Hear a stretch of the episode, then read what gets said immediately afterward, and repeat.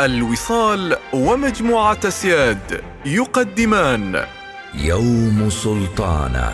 مسلسل لمعاذ الرقادي ومن إخراج سامي البوصافي. بسلطانة فوق عرش البحار بها الليل أبحر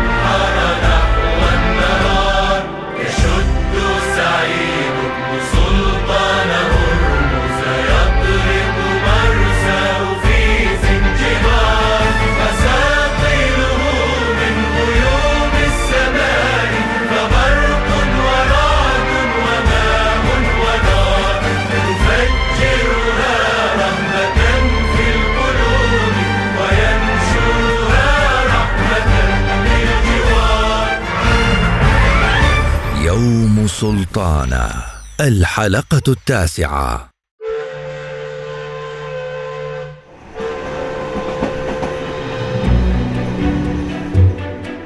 سيد النعمان سمعت أن حاكمكم المعظم يحظى بشعبية كبيرة في بلاد الشرق.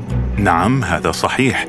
إنه حاكم عرف بعدله لشعبه وقدرته الفذة على إدارة دولة شاسعة المساحة. منذ النصف الأول من القرن التاسع عشر الميلادي تولى الحكم في الإمبراطورية العمانية الشاب الصغير سعيد بن سلطان من أسرة البوسعيد العمانية العربية. وقد امتد نفوذ حكمه ليشمل أجزاء من شبه جزيرة العرب وشرقي أفريقيا وبعض المناطق الساحلية المنتشرة جنوب بلاد فارس وغرب الهند حيث عرف بحنكته السياسية والاقتصادية وقد كانت رحلة السفينة سلطانه أحد المشاريع التي خطط لها منذ توقيع الاتفاقية الاقتصادية مع الولايات المتحدة في العقد الرابع من القرن التاسع عشر.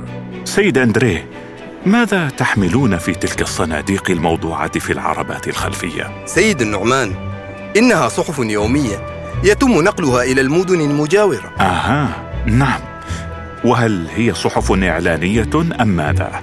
إنها صحف في معظمها معنية بأخبار السياسة والانتخابات الأمريكية لكن هناك صحف أخرى تتعلق بالمال والبورصة. البورصة؟ ماذا تقصد بها؟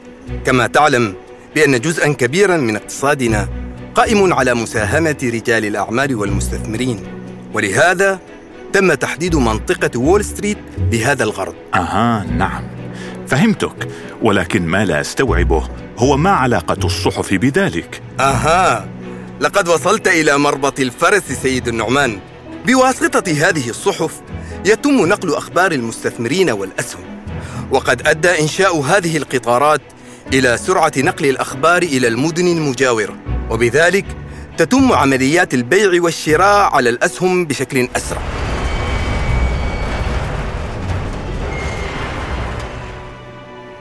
ما الذي حدث أيها القبطان؟ لا شيء يا سيدي. مجرد قطيع من الخراف تعبر سكة الحديد. كادت تقتلنا هذه الخراف المجنونة. لا بأس لا بأس. الحمد لله على كل حال. المهم أننا بخير.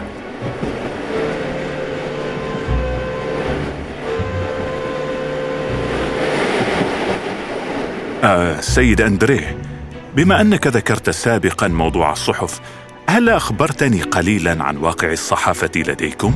هذا من دواعي سروري يا سيدي. دعني أقول لك بأن المطابع التي تعمل بالمحرك البخاري والتي انتشرت في السنوات الأخيرة لعبت دورا مهما في زيادة عدد الصحف المطبوعة لتصل إلى عشرات الآلاف من النسخ يوميا. وكان معظم الصحف سابقا يغلب عليها الطابع السياسي والحزبي مع بعض الإعلانات المتعلقة بالقهوة والمشروبات الأخرى. أما اليوم وبعد انطلاق صحيفة نيويورك هيرالد قبل خمسة أعوام تقريبا تغير شكل الصحافة بشكل ملحوظ. تخيل أنه أصبح بإمكاننا معرفة أحوال الطقس والبورصة وأغرب الأحداث بسبب انتشار هذه الصحيفة. تخيل أنهم يسعون للتعاقد مع مراسلين لتزويدهم بالأخبار في أوروبا. وهي الآن من أكبر الصحف الأمريكية ويوزع منها أكثر من مئة ألف نسخة يوميا إنه فعلا أمر عظيم سيد أندريه.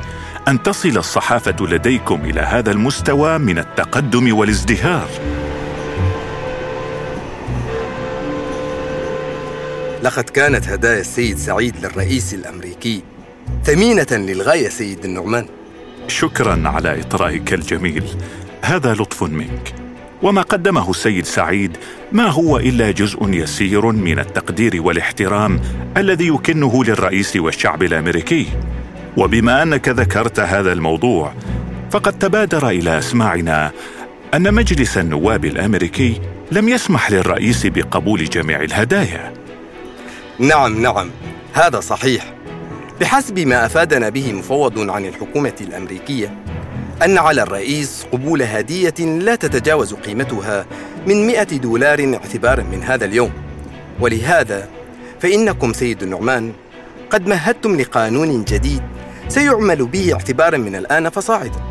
وهذا حسب ما أرى أنه يمنع أي رئيس قادم من استغلال السلطة لبسط نفوذه أو الحصول على منافع بطرق غير قانونية.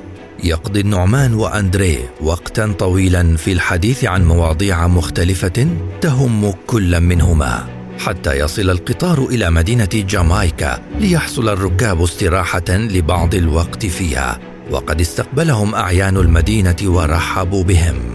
ولم يمض وقت طويل على وصول القطار حتى يقترب أحد كبار رجال البعثة إلى السيد نعمان وقد بدا على وجهه التوتر والقلق. سيدي النعمان وددت إخبارك بأمر مهم للغاية وكنت أحاول إيجاد الفرصة للحديث معك منفردا. ماذا هناك؟ هل حدث شيء في بلادنا؟